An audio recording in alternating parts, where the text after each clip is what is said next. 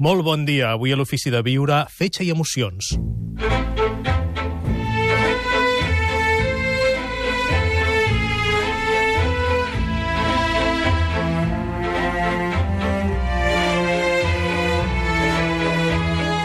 Gaspar Hernández, l'Ofici de Viure.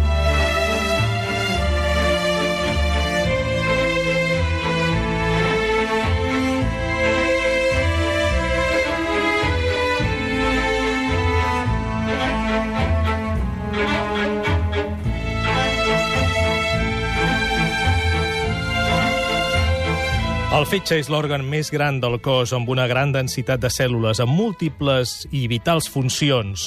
Purifica la sang dels residus del metabolisme celular. Cadascuna de les cèl·lules d'aquest òrgan és un atrafagat laboratori que identifica substàncies químiques que no convenen al nostre cos inactiva i neutralitza els verins, convertint les substàncies nocives en inofensives.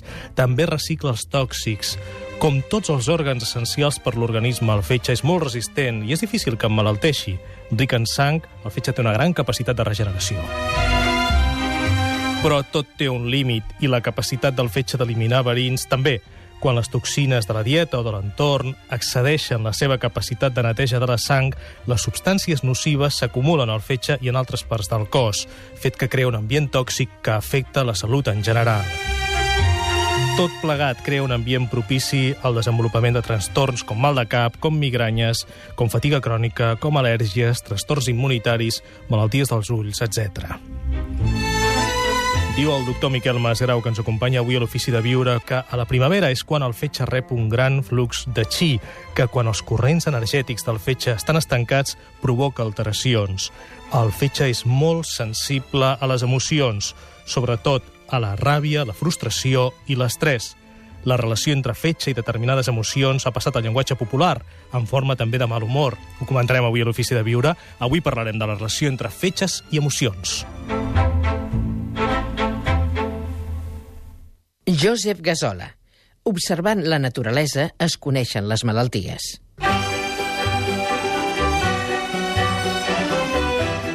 Hola, buenas tardes. Soy la doctora Amil López Vieites, nutricionista y autora del libro Dieta Coherente, un nuevo yo en dos semanas. En esta tarde vamos a hablar de la relación entre el hígado y las emociones. Según varias tradiciones medicinales antiguas, la medicina china o la hinduista, la concepción de la salud es más integral de lo que conocemos en Occidente.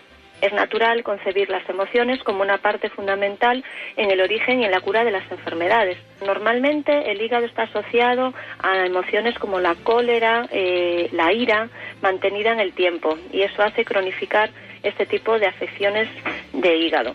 En cuanto a estas emociones, eh, el hígado sabemos que es productor de la albúmina y tiene un papel muy importante a nivel digestivo y depurativo de nuestro organismo. Por ello, cuando esta ira, esta, este enojo se cronifica en nuestro organismo, se ve afectada sus tareas y así pueden aparecer una serie de patologías como eh, irritabilidad, mal humor, eh, tendencia a cefaleas y migrañas, porque la cabeza se congestiona con estas toxinas que no son eliminadas. Y a nivel de síntomas físicos puede aparecer pérdida de apetito, boca pastosa, lengua blanca y amarillenta, sabor amargo en la boca, hinchazón de vientre, gases, náuseas, insomnio, caspa, caída del cabello, fatiga, tendencia a calambres, a edemas y a mala circulación. Por eso es muy importante en esta época de la primavera realizar una dieta depurativa para ponernos a tono.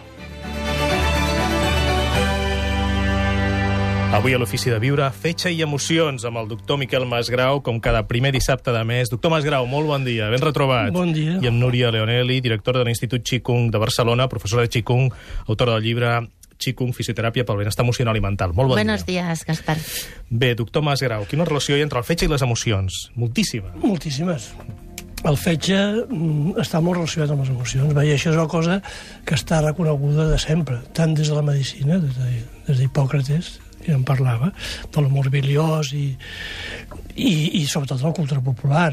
El llenguatge està ple d'expressions no? de, de, que relacionen emocions i fetge. I la medicina, evidentment, també. Jo recordo dos... Mira, quan, precisament, quan vaig entrar a l'Hospital de Sant Pau, La primera història clínica que, vaig, que, vaig, que em va tocar les mans, que havia d'omplir omplir tot un, un, un dossier sobre, sobre el malalt i començar aparell respiratori i tos. I el primer malalt va ser un malalt de fetge, estava molt malament. I li vaig preguntar, a tos, què? Des de quan teniu tos?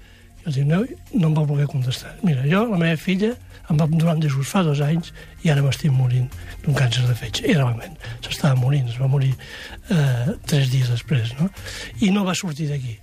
No? Llavors, per mi ja em va quedar gravat dues coses. Primer, la importància de les emocions en relació a la patologia del fetge i segon, que a partir de llavors el, el principal mestre havien de ser els malalts.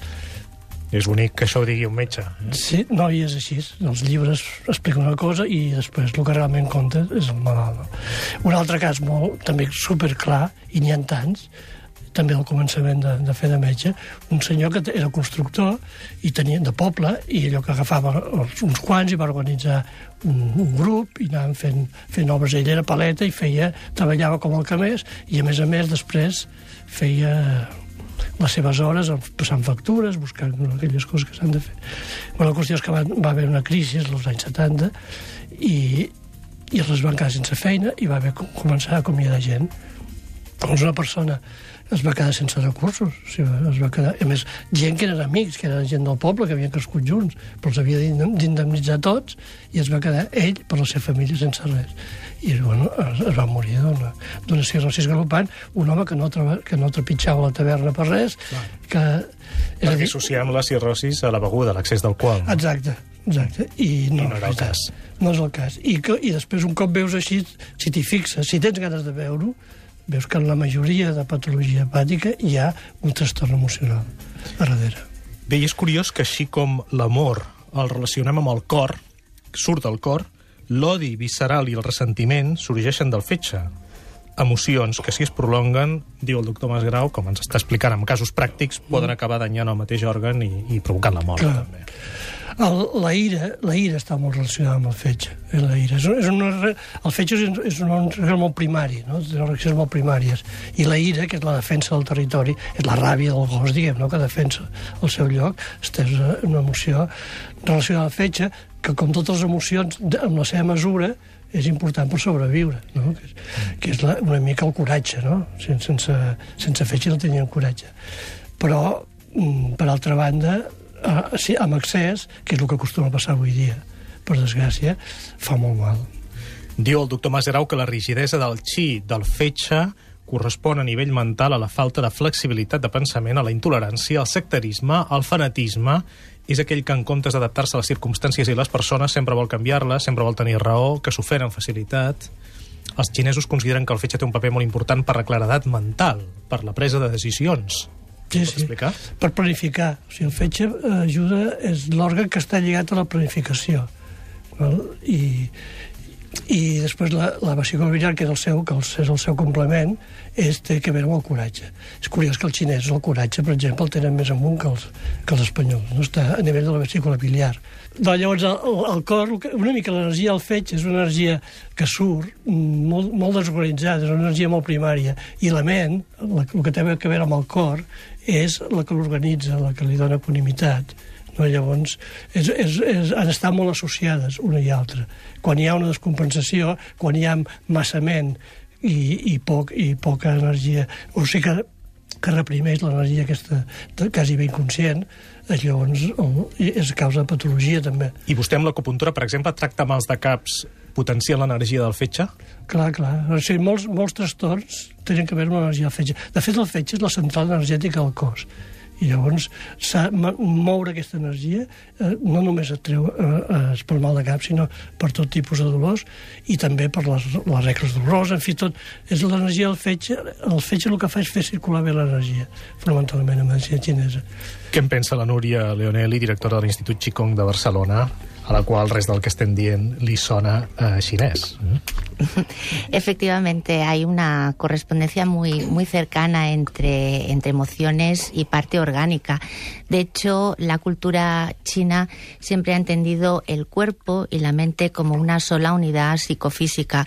Por tanto, tanto las partes orgánicas como las emociones, como la, la mente, las ideas, los pensamientos, son energía y se engloban dentro de una esfera funcional física, emocional y mental. Por tanto, cualquier desajuste compromete mmm, tanto el cuerpo como la mente.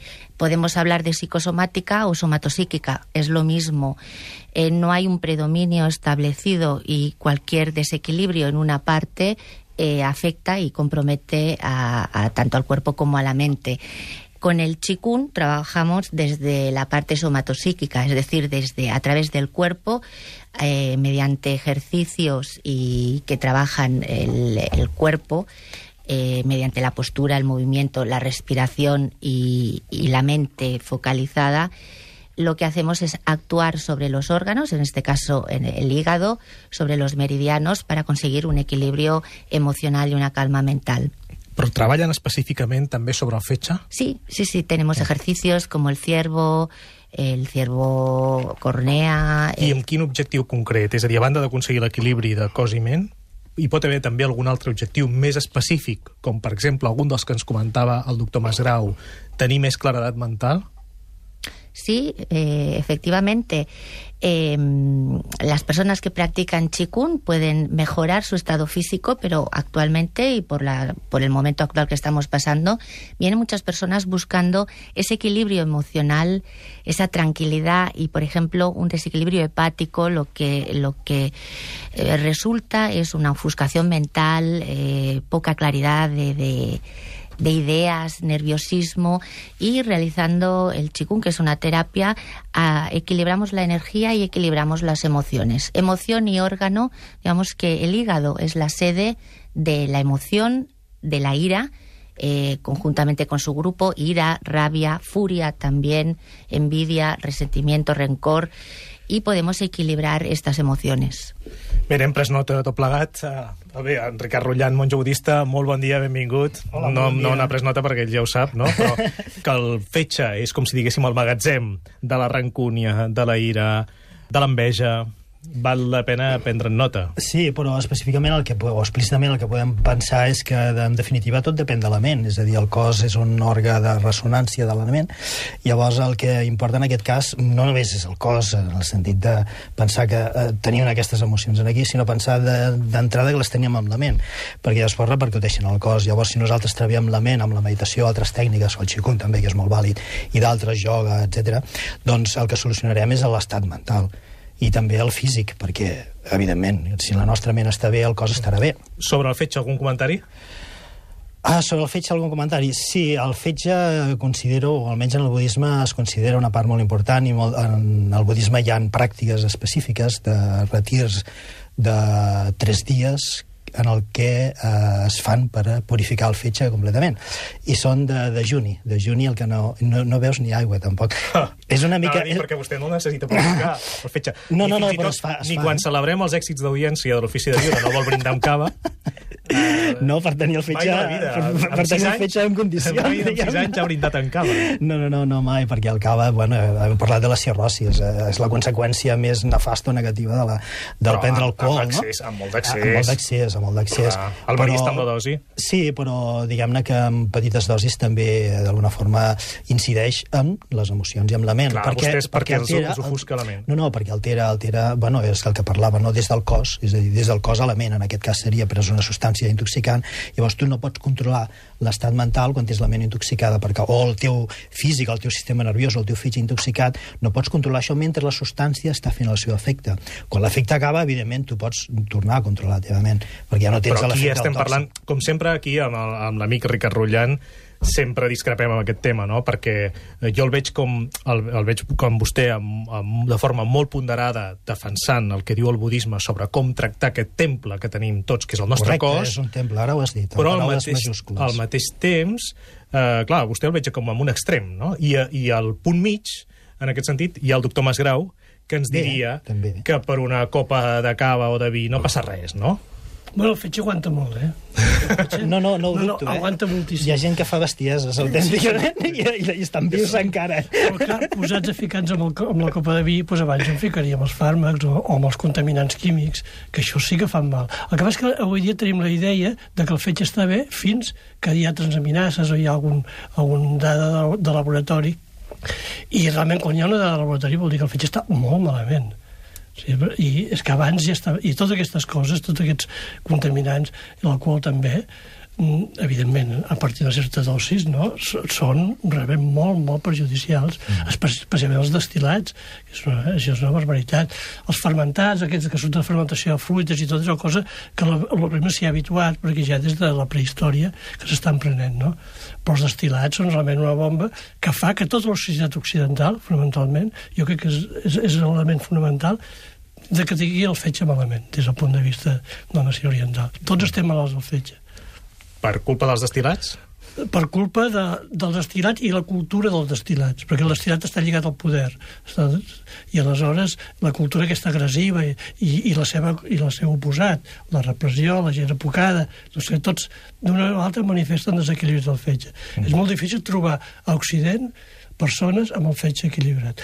Parlant d'això, a, a Xina, per exemple, fa 100 anys, perquè veig si són diferents els xinos d'aquí, els xinesos, eh, un, un metge, un dels primers que va muntar un hospital allà, un americà, eh, va, va presenciar, va tenir ocasió de presenciar una execució de, de tres criminals, dos homes i una dona, i llavors els tenien allà, allà al patíbul, el, i llavors va haver una cerimònia molt curiosa, i és que el butxí va agafar l'espasa, els havia de, de tallar la, el cap amb l'espasa, i la va donar al seu ajudant i es va, es va postrar davant dels, dels, dels criminals, dels condemnats, com demanant perdó, no tant amb ells, sinó els seus avantpassats perquè els anava a treure la vida, no? I els altres responien també eh, agraint aquesta atenció. O sigui, es va, va haver una cerimònia molt curiosa i llavors ell va demanar al governador, que anava convidat per ell, i escolta, deixa'm prendre el pols d'aquests malalts. Els va prendre el pols i està el pols perfecte. Ai, dels dos condemnats, un estava a 72 pulsacions, l'altre 74 i la dona 78 i ell estava a 128, ja només presenciat això, no? O sigui, perquè bé, fins a quin punt aquella cultura és diferent a la nostra, no? Per ells l'amor era una cosa normal, i fins i tot aquesta, i no els alterava ni tan sols el ritme del cor. Increïble, eh? Eh, Sí, sí. molt curiós. Però això deu de ser molt... Fa molts anys, això. Fa 100 anys. 100 anys, clar. Perquè ara la policia xinesa... Avui a l'Ofici de Viure estem parlant del fetge i les emocions.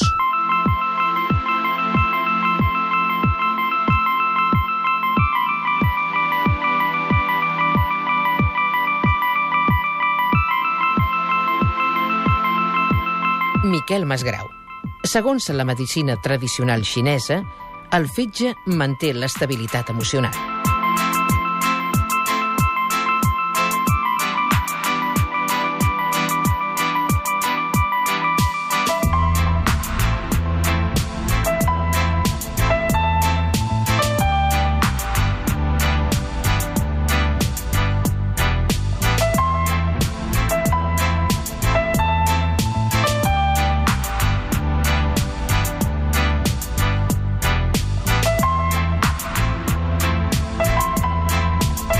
A l'Ofici de Viure ens acompanya també l'Àngels Campà. Àngels, molt bon dia. Bon dia. Retrobada, amiga dels amics de l'Ofici de Viure, una de les ànimes dels amics de l'Ofici de Viure. Ara, quan sou ja? Estem ratllant els 5.000 ja. Qui ho havia de dir, eh? Sí, sí. Podeu entrar als oients que vulgueu al Facebook, on trobareu dues plataformes, la pàgina de l'Ofici de Viure, de Catalunya Ràdio, i la pàgina dels amics de l'Ofici de Viure, que no paren d'organitzar activitats. Darrerament, com ha anat això? Darrerament doncs, hem, eh, hem estat treballant amb, eh, amb tot el que era la flexibilitat amb la Jenny Moix i meditant amb el, amb el Ricard. Això és el que vam fer el, aquest mes passat, aquest mes d'abril. Recordo que tenim un dels programes de l'ofici, és precisament amb la Jenny Moix, sobre com cultivar aquesta flexibilitat, com ser menys rígids. I com va anar? Exacte. Va anar molt i molt bé, ens en vam donar compte que tots eren molt més rígids del que ens estàvem imaginant nosaltres, no? Perquè de vegades pensem que amb això de l'espiritualitat i que ens ho treballem molt, doncs que aquesta rigidesa ja la tenim eh, una mica solventada i resulta que no, que continuem sent igual de rígids I, i bueno, doncs, prenent consciència de, de tot això. I a mi, a mi em va sorprendre després de la meditació que en aquell espai tan tancat, tan petit, tantes hores, la gent des de les 11 del matí, tothom estava la, però d'allò més bé, no? I Sí, sí, això és la flexibilitat de, diguem-ne, estar en un ambient, diguem-ne, claustrofòbic eh, de la mar de bé, no? Sí, sí, sí, va anar molt bé. Parlant d'activitats futures, voldria recordar que aquest estiu eh, s'organitzarà una jornada que es dirà l'ofici de sobreviure a la Universitat Ramon Llull amb alguns dels col·laboradors del programa L'Ofici de Viure. Hi haurà una meditació pràctica amb en Ricard Rullant, que Sí, tancarà la jornada. pràctica meditació, sí. O sigui, serà una introducció a la meditació, però també hi haurà un programa d'activitats eh, interessant que podeu trobar a la, a la pàgina web de la Universitat d'Estiu Ramon Llull. També hi haurà l'Àngels Campals, Amics de l'Ofici de Viure... Uh, Àngels, i què teniu previst properament? Mira, doncs ara, el dia 10, tenim la trobada de meditació que fem eh, el segon dijous de cada mes aquí a Barcelona, a l'escola Arquiris, a dos quarts de set, i, i llavors doncs, després tenim la 41a trobada ja, que la fem el dia 19 a la Foliola, a Lleida. I en aquí anirem, eh, vindran eh, membres de l'associació de terapeutes de craniosacral biodinàmica i ens, ens parlaran de la teràpia craniosacral. és molt interessant. Sí, sí, jo crec que sí, que realment eh, és un dels, eh, dels temes que més eh, amb ganes estem esperant tots plegats per, per conèixer i així. Llavors, doncs, qui vulgui, ja ho sap, un correu electrònic a info arroba amics de l'ofici de viure .org i ens demana plaça per, per assistir-hi. Després, el mateix dia 19, eh, però no a la Foliola, sinó a Valldoreig, tenim el 12è sopar eh, gastronòmic per fer observacions del, del cel. As, astro. No, G astronòmic, Ah. perquè és d'observació astronòmica, però també acaba sent gastronòmic degut a tot el que porta tothom per sopar. No, però has I- de puntualitzar que Sí, és, sí. és d'astronòmic. Sí, sí, sí. S'està mirant el cel... Estem els mirant Les dues coses. I totes les dues sí, coses. I, I és sopa. Sí. És sopar. Mirar les estrelles Sí, sí. sopant. Sopar, clar. Sí. I també tenim una, una primera edició de Cinefòrum, perquè un, entre, els, entre els socis doncs, va sortir la, la idea de, de fer algun cinefòrum i, I quina el- pel·lícula mirareu? aquesta vegada serà Samsara. Eh? Serà Samsara i el, el debat i així estarà animat pel Ricard Om. Eh? I això serà el dia 26 de maig, que és dissabte, a dos quarts de cinc de la tarda, al centre Om Terranova, aquí a Barcelona. Són les activitats dels Amics de l'Ofici de Viure. info arroba amicsdeloficideviure.org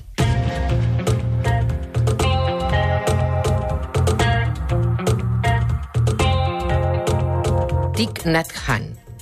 Cultivant l'energia de ser conscients, pots curar el teu cos i la teva consciència.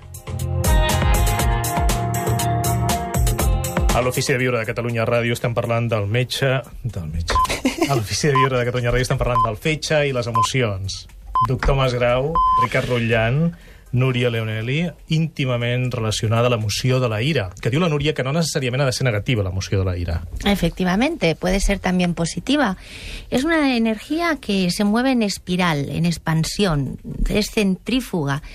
¿Y qué sucede ante una energía así? Mm, si nos encontramos un obstáculo en el camino, una emoción con, con esta expresión de, de energía en expansión lo que va a hacer es alejar el obstáculo. Ante una injusticia, un abuso, una transgresión, es normal que sintamos un, una- un sentimiento de ira y de rabia. Lo que no sería normal es no tener emociones. Por ejemplo, si a una persona se le muere un ser querido, eh, sería anormal que no sintiera tristeza. Por tanto, la ira nos ayuda, nos permite eh, avanzar en nuestro camino, progresar, crecer y seguir hacia adelante. Mm, ante estos obstáculos y estas limitaciones que a veces nos, mm, nos pone la vida. Y Aquí- tiene este aspecto positivo, ¿por qué no? Es cuando se inhibe la ira o sobrepasa o en ambos casos mm, es un- una emoción continuada durante el tiempo cuando es perjudicial para nosotros. Sí, en el budisme, precisament, eh, molt correctament ho contemplem així, perquè hi ha actituds que són irades, eh, que hem de tenir justament en això, amb injustícies i coses que no, no estan ben fetes. Però hem de pensar que no tenen les mateixes conseqüències, perquè la, la ira de la que parlem normalment, que està produïda per, diguem-ne, per un aferrament al jo, és a dir, quan tu tens, estàs molt aferrat al teu jo, qualsevol circumstància que el tiri que vulneri aquest jo et fa trencar mira, no? Llavors és, això és molt negatiu, és molt nociu, perquè llavors et converteix en una persona destructiva, no? És a dir, actues destructivament. Aquesta ira no, aquesta ira busca la solució d'un greu problema que està basada en la compassió, és a dir, és una actitud molt positiva, una actitud altruista, no gens egoista, res de l'aferrament al jo, sinó una, una actitud de donar als altres, donar als altres la solució a un greu problema. Parlàvem d'injustícies, mm. per exemple. Doncs tu, d'alguna forma, necessites una actitud irada. No pots fer-ho, diguem-ne, així és... Eh, tranquil·lament, perquè sí, pots fer-ho, però a vegades fa falta aquesta actitud de coratge. El, el doctor Masgrau ha dit potser, millor la paraula més que ira és coratge, no? Coratge. Perquè, coratge, és el coratge de fer les coses de forma positiva, però clar, l'actitud surt de dintre que és compassió, no és aferrament al jo, no és egoisme, no és centrament en tu mateix, en mirar, que em passa això per culpa dels altres, llavors haig de beligerar contra els altres, atacar-los, fer-los això perquè em fan mal, no? Llavors, d'aquesta manera, és quan des de l'actitud positiva, des de, des de l'amor, des de la compassió, tu veus que les coses no estan funcionant bé i has de fer alguna cosa amb coratge, amb una actitud tirada, seria això. Sí, sí, sí. La, la ira, eh, amb l'educació tradicional japonesa, és curiós perquè als nens se'ls ensenya a suportar la injustícia. O sigui, el mestre, a vegades, o, o, o antigament, castigava el nen injustament i s'estudiava la reacció del nen. El nen havia d'acceptar la injustícia i nosaltres no estem preparats per això. Llavors responem moltes vegades no, de manera emocional. Jo no aniria a aquesta escola, eh? Ah, una cosa seria el que consideraríem eh, injustícia no, vital. Exacte. És a dir, des del punt de vista de la, de la medicina xinesa, és que ira és una paraula molt perillosa, eh, perquè té moltes connotacions. I a mi no m'agrada mm, parlar mai favorablement de la ira, en cap circumstància. Mai dir que és positiva, eh, perquè Clar. buscaria una altra paraula. En tot cas, des del punt de vista de la dinàmica xinesa, diguem, la ira, aquesta energia que surt de, del fetge, amb una, amb, que pot ser santa indignació, que pot ser molt justificada, només és positiva quan s'apoya amb totes les altres emocions, diguem. Quan troba, per exemple, una ment equilibrada i equànim i compassiva, mm -hmm. quan, quan troba un, una energia de la melsa, un intel·lecte, diguem, que, que, que l'adreça la, bé i després la voluntat que li dona, que li dona força, no? Aleshores sí, però jo en gent no li dic ira, ja li, li podria dir coratge, li podria dir una resposta, una indignació, si voleu. I aquí hi ha la combinació que parlava abans, que és el cor amb el fetge. Exacte. El cor està molt lligat en aquest sentit amb el fetge, perquè de, de, realment des del cor l'actitud compassiva amorosa Clar. fa que el fetge reguli sí, aquesta energia. La ira, per definició, encega. Encega. Sí, això és una cosa que és, està reconeguda en totes les cultures. Per tant, en principi qualsevol cosa que ensegui no interessa. Mm. Mm -hmm. Sí, la ira siempre, el hígado trabaja bajo la supervisión del corazón y la ira trabaja muy en, en colaboración con el pulmón. Mm, pero siempre bajo la supervisión de es una gran orquesta de emociones. Entonces hablar está siempre la energía interconectada entre todos los órganos. Por tanto, hablar también de una emoción eh, separada, aislada del resto, no siempre hay un concierto de, de emociones que juegan y podríamos hablar más de, de coraje como emoción positiva. I en aquesta gran orquestra com podem saber si el fetge desafina? Eh? Si l'instrument que està desafinant és el fetge? Eh, com, què diria la intuïció? Bé, en principi, quan tenim mala sang, o tenim, ens fem mala sang, no? Sí. Perquè la que... mala sang és la conseqüència de tenir un òrgan del fetge feble, no? Perquè no, no filtra bé, no, no, no, no purifica bé la sang. Llavors, immediatament la PI ho, ho representa de seguida amb erupcions i altres coses. Això seria el fetge nota molt les ungles, per exemple, en la xinesa, amb l'estat de les ungles, amb els ulls, amb la mirada, mm. amb el dormir. O sigui, la qualitat Perquè... de la son té molt a veure amb el fetge. Sí, com és la mirada? Una mirada brillant, sana, vital, vol dir un fetge vital, en la que el fetge comença a estar malalt, de seguida s'apaga la mirada. Y surgen varias enfermedades oculares como la conjuntivitis. La conjuntivitis es no querer ver lo que está sucediendo. Es que se hinchan los ojos eh, para no, no soportar esa situación de, de, de estrés y que el hígado no consigue gestionar. El cos és savi, eh? Sí, el cos se, se expressa tot en el cuerpo. Sí, de fet, el, els metges xinesos diuen que per, per, per comprendre les, les malalties i les... val bé observar la gent simplement, ficar-te en una paràmetre, anar mirant, mirant passar les persones i, i porten, tothom porta reflectit des del el color que porta la roba, la manera de caminar la, i diu que els bons metges normalment tenien la seva, el seu lloc una mica allunyat de la porta de tal manera que quan la persona arribava amb ell ja sabia que hi tot Clar. no? per la manera de moure's per la... i després realment quan, quan parlen més que el que expliquen la forma d'explicar tot això denota ja quins són els desequilibris. I aquí ja entra l'ull clínic, que Clar, perquè de fet sí. el, que, el que tracta no està la el rostre la, de la gent... Sí. La postura indica mucho sobre la, postura, la ira. Sí. Eh, cuando sentimos ira, el cuerpo se hiergue, como si, si quisiera Atacar. tener mayor control, mmm, dominio corporal. Los ojos, como comentaba el doctor. Masgrau, muestran la furia, que ojos brillantes, rojizos. Pensemos que hay una descarga de energía yang hacia arriba y las venas del cuello y de la frente se hinchan, la cara se vuelve roja, o sea, eh, se ve claramente una persona iracunda, se, se le reconoce. Y todo esto luego al final se traduce en un cansancio físico, porque estar en continua tensión en, es muy cansado. Es muy cansado. Estás en alerta de para una ofensiva o en estado defensivo, estás continuamente en alerta, tienes toda la musculatura en tensión, todo esto produce un gasto energético muy importante y al final lo que hay es un desgaste de la energía y lo que eh, vemos es un cansancio físico y, y mental. Mm. La ira, de totes maneres, és només un aspecte de fet, el que està fent molt mal avui dia i passa més desapercebut, perquè la ida és molt cridanera, com el seu nom indica, són les derivats, no? La rancúnia, la frustració, la depressió, totes aquestes coses que són, ven a ser Cosines germanes. Sí, maneres de manifestar-se, ah. més o menys reprimides. Inclús la depressió és una sí, conseqüència. Sí, molta depressió, que no, la, la que no ve directament de la tristesa, sinó que ve simplement d'un mal funcionament del fetge, que ara a les primaveres n'hi ha molts, el cansament aquest del... De la... L'estènia, no? Sí, la falta d'energia, totes aquestes qüestions debilita molt. La falta d'energia que es tradueix amb l'ànim, no? Però la falta d'energia, per exemple, com, com la treballaria vostè, eh, doctor Masgrau? Si hi ha, hi ha algun oient o algun oient que coincidint amb la primavera ara no tingui eh, energia? Bueno, la falta d'energia, en principi, el, el fetge és, és la central energètica del cos, no?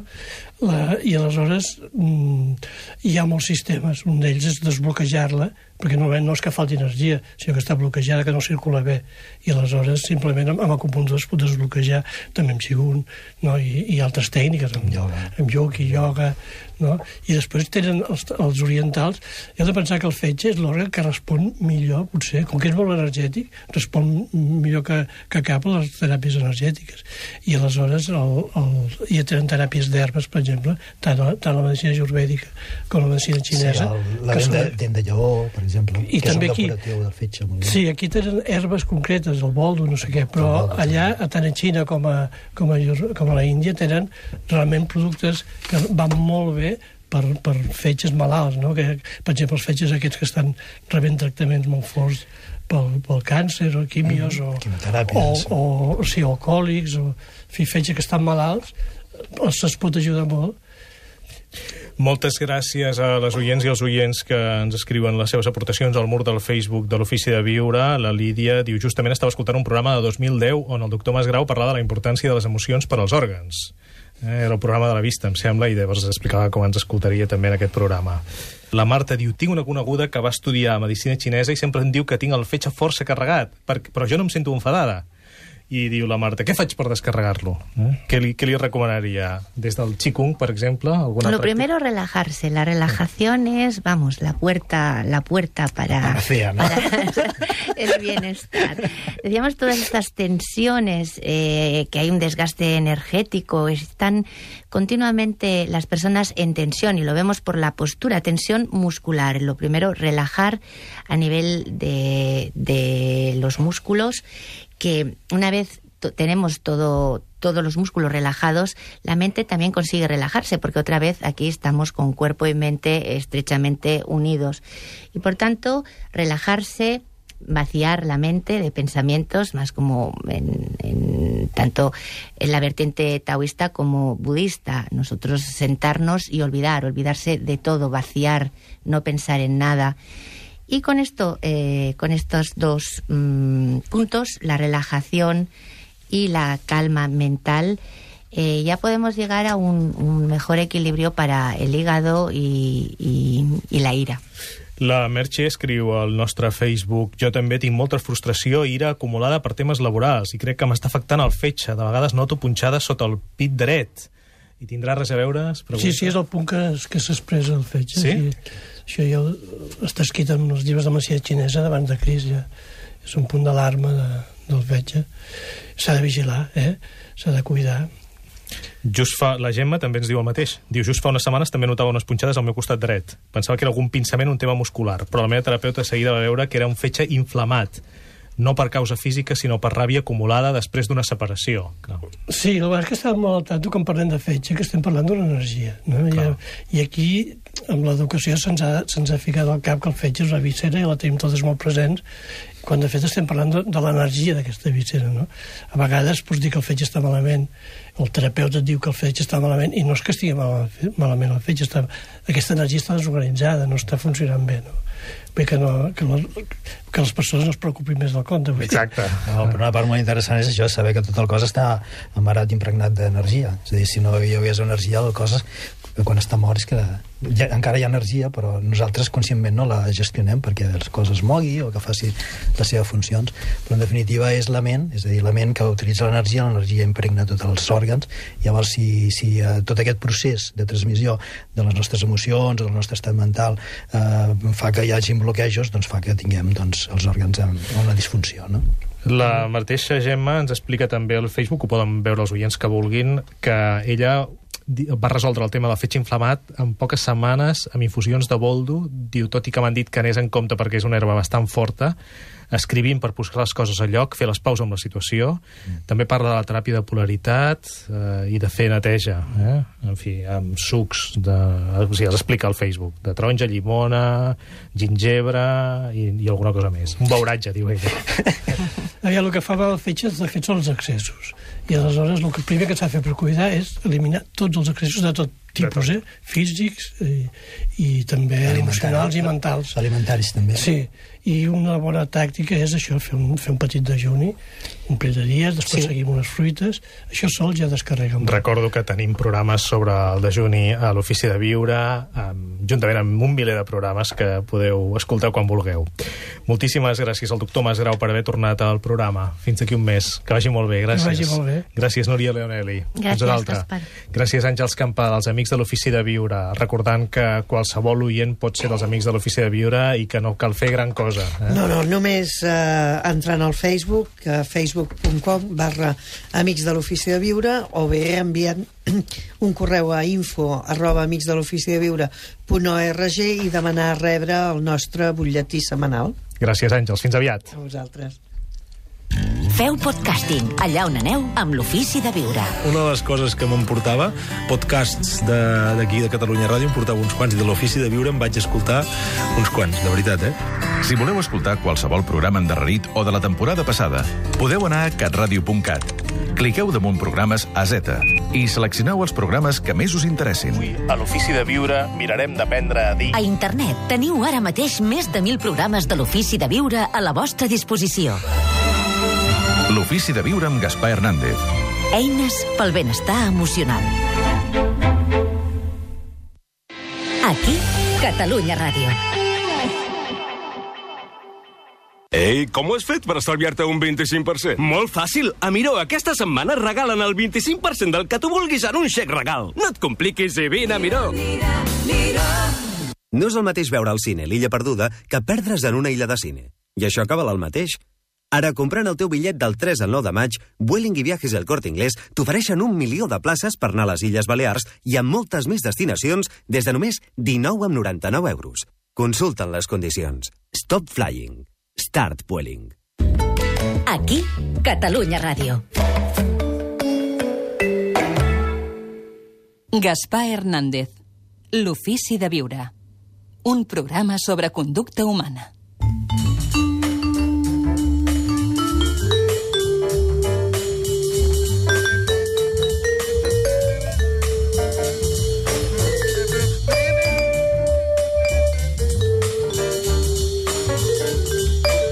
Ricard Rullan ha llegit un estudi, bé, encara no l'ha llegit a fons, no? No, que no pot interessar en Jordi Llavina. Molt bon dia, Jordi. Bon dia, bona hora. Sí, però encara no tinc arguments exactes per eh, afirmar que realment sigui així, però per la meva experiència, diguem-ne, que sí que és correcte el que expressa, diguem el titular. El titular diu d'aquest eh, estudi que la meditació, la meditació ajuda a tenir una relació sexual plena. Mm? Uh -huh. Això potser és, eh, sí que és així, perquè de fet hi ha el sexe tàntric, d'alguna forma, que pot ser eh, en parella, i d'alguna manera ho fas meditant, ho fas una ment centrada i sobretot eh, estan exactament doncs, movent cadascun dels músculs, inclús més que dels músculs, més que, és, més que, és més físic, és molt més espiritual, és molt més interior, no? Inclús notes com el teu sistema nerviós eh, transmet tota aquesta energia plaent, agradable, sembla que vagi embolcallant tot el cos, el teu i la teva parella, sembla com si s'unifiquessin, no?, d'alguna Recordo que tenim un ofici de viure dedicat al sexe tàntric, a la nostra llista a catradio.cat. Eh? Jo crec que està molt molt adreçat als homes, més que a les dones, no? A la parella són En el dos. cas dels homes era... També tenim un ofici de viure que era l'orgasme sense ejaculació. Sí, el recordo. Ah, sí, sí, ho recordo. A mi em va fer un gran efecte aquell Però- ofici. però la No, pare- ho- ho dic la parella perquè- són dos, no? Sí, Això però vull dir que les dones, allò que sempre fan dues o tres coses a la vegada. Per exemple, jo he Ah, vist sí, dones... és veritat. Clar, dones fent l'amor i a la vegada excitant-se elles soles. I és el més propi, això. El més normal. Vull dir, fent dues coses. L'home fa l'amor, va fent, quan acabis ja m'ho explicaràs, i ella mentrestant s'excita. Vull dir que... A part d'això, d'aquestes disquisicions, és bonica l'expressió fer l'amor, eh? Sí. Però no, no sí. sempre es correspon amb la realitat. No. El que passa exactament quan estàs en la... No, perquè què és fer l'amor? Això ho has de saber tu. Vull dir, com a home Fer-ho amb una persona immensos- eh, que hi tens un especial afecte, eh, diguem-ne el que a Olot en dieu rostollar o cardar, eh, és fer l'amor, o, no, o, ho és en uns casos i en, uns- en uns altres no. De fet, si ens atenem al que és el budisme, eh, el que és l'amor, l'amor és fer feliços als altres. Llavors, si tu estàs Clar, fent... vostè, per tant, tot el dia està fent l'amor. Correcte, exactament, sí, sí, sí, però de tot cor, eh, amb el cor, no amb el sexe. Llavors, d'aquesta manera, quan estàs amb la teva parella, el que busques és la felicitat de la teva parella. Però és així, llavors això és amor. Jordi, doncs ja sabem una cosa nova. Molt bé. Viure arroba catradio.cat. Va, som-hi. Prefereixo que el meu nom no surti per antena. És una consulta molt concreta.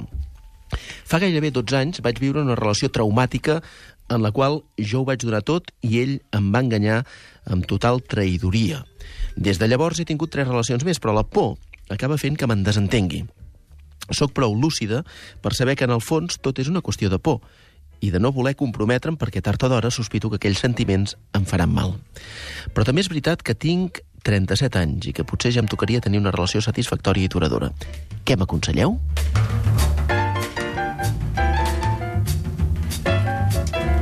En Jordi agafa aire, sí, amb el llapis a la mà, sempre. com sempre. Endavant. Som-hi, doncs. Hi ha un conte d'un d'un llibre titulat Abandonar-se a la passió, d'una autora japonesa que es diu Hiromi Kawakami, en el qual hi ha una noia que pateix exactament exactament això que pateixes tu, això que ens descrius. I diu, pensava que tenia por, que tot em feia por i caminava sense saber cap on anava. Bé, aquestes pors, o o aquests pànics, quantes vegades no n'hem parlat a l'Ofici de Viure, en aquesta secció dels mails d'amor, què aconsegueixen? Doncs aconsegueixen que caminem sense saber on anem, quina direcció tenim, que balbucegem, que, que anem fent tantines, que no, que no sapiguem el rumb que realment hauríem d'emprendre, no? Tu mateix ets lúcida, ho dius, ho reconeixes, i és veritat, el teu mail és molt lúcid, però vius una contradicció. Primer, d'una banda, voldries no comprometre't amb ningú, perquè això, naturalment, et preserva, el fet de no comprometre't, et preserva de patir. Així no pateixes? Molt bé. I segon, per altra banda, però, voldries viure una relació eh, plena, satisfactòria, una relació madura... Clar, això és una contradicció flagrant amb el que ens deies abans, no? Jo què et recomanaria? Doncs, naturalment, d'entrada, tractar aquesta por. Eh, he vist persones eh, porugues, persones amb una tendència al pànic, i aquestes pors eh, els fan molt mal i poden arribar a fer molt mal a les persones que els envolten, no? Eh, Tu escrius que aquella relació traumàtica que es va esdevenir fa tants anys, eh, gairebé 12 anys, això és molt en una persona, a més a més, eh, jove com, com ets tu, eh, esclar, si has viscut tota aquesta època així, eh, i si aquella ferida encara et fa mal i encara supura i encara no s'ha cicatritzat del tot, a mi em sembla prou evident que cal un suport i que cal un ajut. Eh? Sospito que, que no l'has demanat perquè, de fet, eh, no en diu res i, per tant, potser ens diries alguna cosa d'això, no? Bàsicament perquè no t'hauries de permetre ni un dia més, ni una hora més, ni un minut més viure amb aquesta por enquistada. I és, em sembla, aquí on entra la teva voluntat. La voluntat per canviar l'estatu quo, no? per no continuar llapant indefinidament aquesta ferida que sagna la voluntat de curar aquesta nafra. Hi ha un poema titulat, un poema de Carlos Marzal, poeta castellà o valencià que escriu en castellà, que es titula Cuatro gotas de i que acaba dient un acto elemental contra la ruïna, una rúbrica más contra la muerte. I em sembla que aquest és el pas o el que hauries de fer tu, no? amb una certa urgència, perquè gairebé 12 anys són, em sembla, molts anys que no et pots permetre, i la vida, com sabem, no dura eternament. Què diu la psicoanalista Yolanda Sussin? Que, eh, no, que no s'ha de donar tanta importància a una relació per molt traumàtica que hagi estat. Si la nostra oient, suggereix la, la Yolanda, aconseguís obrir mires cap a la possibilitat que hi hagi alguna cosa més, i aquesta relació primera, traumàtica, deixés d'omplir tot el seu espai mental, llavors hi hauria la possibilitat de pensar en el què, segurament sigui la raó principal. Però, és clar, això significaria remenar allà on cou més, allà on fa més mal. Ella eh, recomana, mm, suggereix que es remeni aquest mal per poder fer net viure arroba catradio.cat. Els oients poden enviar-nos els seus correus electrònics també amb pseudònim, com ha fet aquest oient. Efectivament. Ja dones l'abast amb tants e-mails, perquè ara amb la primavera en tenim molts, eh? Sí, um, et dono l'abast, però jo encara en voldria tenir més. Eh? Jo doncs soc viure arroba catradio.cat. Afamagat. I, I diria això, és primavera, segur que hi ha molta gent que, que està vivint una revifalla de l'amor. Envieu-nos-en també de mails que no siguin mail, mals d'amor, que siguin joies d'amor, no? Que tot això, la Florida, eh, que se senti, que es faci sentir. Demà a l'Ofici de Viure recordo que parlarem de la salut mental, què és la salut mental, quan estem sants mentalment, i demà, per cert, hi ha un concert de mantres del qual vam parlar la setmana passada a dos quarts de nou. Jordi, si vols venir, jo hi aniré al concert de mantres a l'auditori a dos quarts de nou del vespre. Eh? O sigui que penso que pot ser una activitat que no és eh, sexual, però que potser t'interessa. Sí, no, no, a veure, hi ha moltes activitats no sexuals que m'interessen. De fet, la sexual, la sexual cada vegada no és que m'interessi menys, però la practico menys, saps? Per tant, eh, tu hi vas, Gaspar? Sí. Doncs parlem-ne. Els mantres, que són importantíssims també per tenir un bon equilibri cosment, oi, Ricard? Sí, els, els mantres és una manera que nosaltres tenim per concentrar la nostra ment. És a dir, és un objecte de concentració. Quan nosaltres estem repetint un mantra, concentrem la nostra ment en això i llavors el que la nostra ment està produint és tota l'energia que aquest mantra produeix. Perquè el mantra, diguem-ne, forma part d'una actitud mental o d'una emoció positiva, en aquest cas, bona, no pertorbadora. Per exemple, si fem el mantra Om Mani Padme Hum, que faig molt sovint amb les reunions que fem als amics d'ofici de viure, doncs, per exemple, aquest mantra està basat en la compassió, en el desenvolupament de la compassió. Llavors, quan tu centres la teva ment en, en això, el que fas és que aquesta vibració, aquesta energia faci sortir l'energia de la compassió amb la teva ment. Llavors, aquest concert, precisament, hi haurà molts mantres. La majoria d'ells seran eh, de l'hinduisme, del budisme, crec que hi ha l'Om Mani Padme Hum, hi ha el, el mantra de la Paramita, de la saviesa transcendental, el Gati, uh, Gati Gati Paragati Parasangati Bodhisattva, que està molt bé.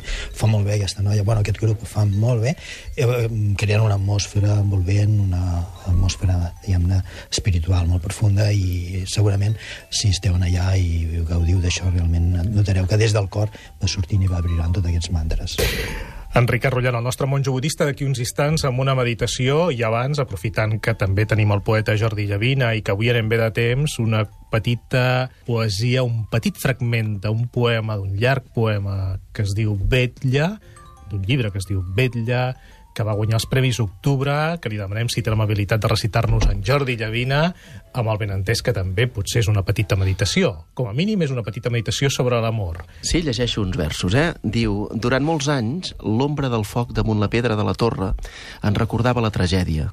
Carcassa buida, emmascarada, i hauríeu vist l'escut llampat una vegada i cent pel ferro i per la pólvora d'enemics. Les flames van poder escalar-ne el mur cilíndric. Si la torre hagués estat encara coberta, llavors el foc engaviat l'hauria enderrocat per sempre. Reflex de tot el que el temps crema, sense acabar de destruir-ho, aquella torre fosca. Ombriu, hi havia el lloc on vam aprendre el tacte de la molsa, humit, en dies freds, o vam tenir al cap dels dits, a vell estiu, coneixement de la resina i dins l'orella, bonió d'abelles, la del crit ingrat apagalós de les cigales, semblant a la d'un cable elèctric. Jordi Llavina recitant el seu Vetlla, d'edicions 3 i 4, Premi Octubre de Poesia de València, uh -huh. Bé, enhorabona pel llibre, Jardí, pel Gràcies. premi, ja et vam felicitar en el seu dia. Uh -huh. eh, espero que continuïs per molts anys amb aquesta poesia. Com la definiríem? És una poesia narrativa i moral. Jo crec que amb això ja i és realista. Sobre la memòria, tu deies, el pas del temps, sobre tot, tots els afers que ens ocupen. L'ofici de viure. Continuem amb l'esquena recta. Sí, i ara una mica més profund, eh, d'alguna manera facilitant la possibilitat de que la nostra ment entri en un estat de concentració profunda perquè, com hem parlat abans en el programa, eh, l'estat de calma mental és molt necessari per deixar que el nostre fetge experimenti una circumstància plàcida i pugui fer la seva feina sense cap mena de pertorbació. D'aquesta manera necessitem, necessitem l'actitud de disposar-nos o motivar-nos per fer les coses, perquè sigui per benefici de tots els éssers, evidentment, és molt necessari, perquè si no només, d'alguna forma, creem una energia individual per un mateix, sinó que tenim oh, tot una... no tenim límit, perquè els éssers són il·limitats, llavors l'energia es multiplica per cadascun dels éssers. Llavors això també ens farà molt de bé a nosaltres mateixos. Comencem, doncs, sempre amb la postura adequada, amb la tranquil·litat del cos necessària, Uh, recordem que el cos i la ment són una mateixa cosa. Si comencem pel cos, també afectem a la ment. Llavors, uh, sempre que parlem de l'esquena recta, té un, un per què, una raó concreta, és aquesta, és que les energies flueixin sense obstacle i que la ment es pugui quedar tranquil·la, assossegada, en pau. D'aquesta manera, mm, comencem deixant que la nostra ment es vagi enfocant o centrant emplaçant, de fet, en un punt, un sol punt. La nostra ment està sempre en moltes coses, abans ho parlàvem, sobretot les dones tenen aquesta capacitat d'estar aquí, estar allà, estar sense parar una cosa i l'altra. Amb un home, amb un altre. També, eh? Pot ser si vull al mateix, al mateix temps, amb un home, amb un altre. Ja no. Perquè no, inclús amb la meva pròpia experiència, quan moltes, eh, faig moltes meditacions, les dones diuen que la seva ment va a mil per hora, no a 100 per hora. I sempre són les dones, mai els homes.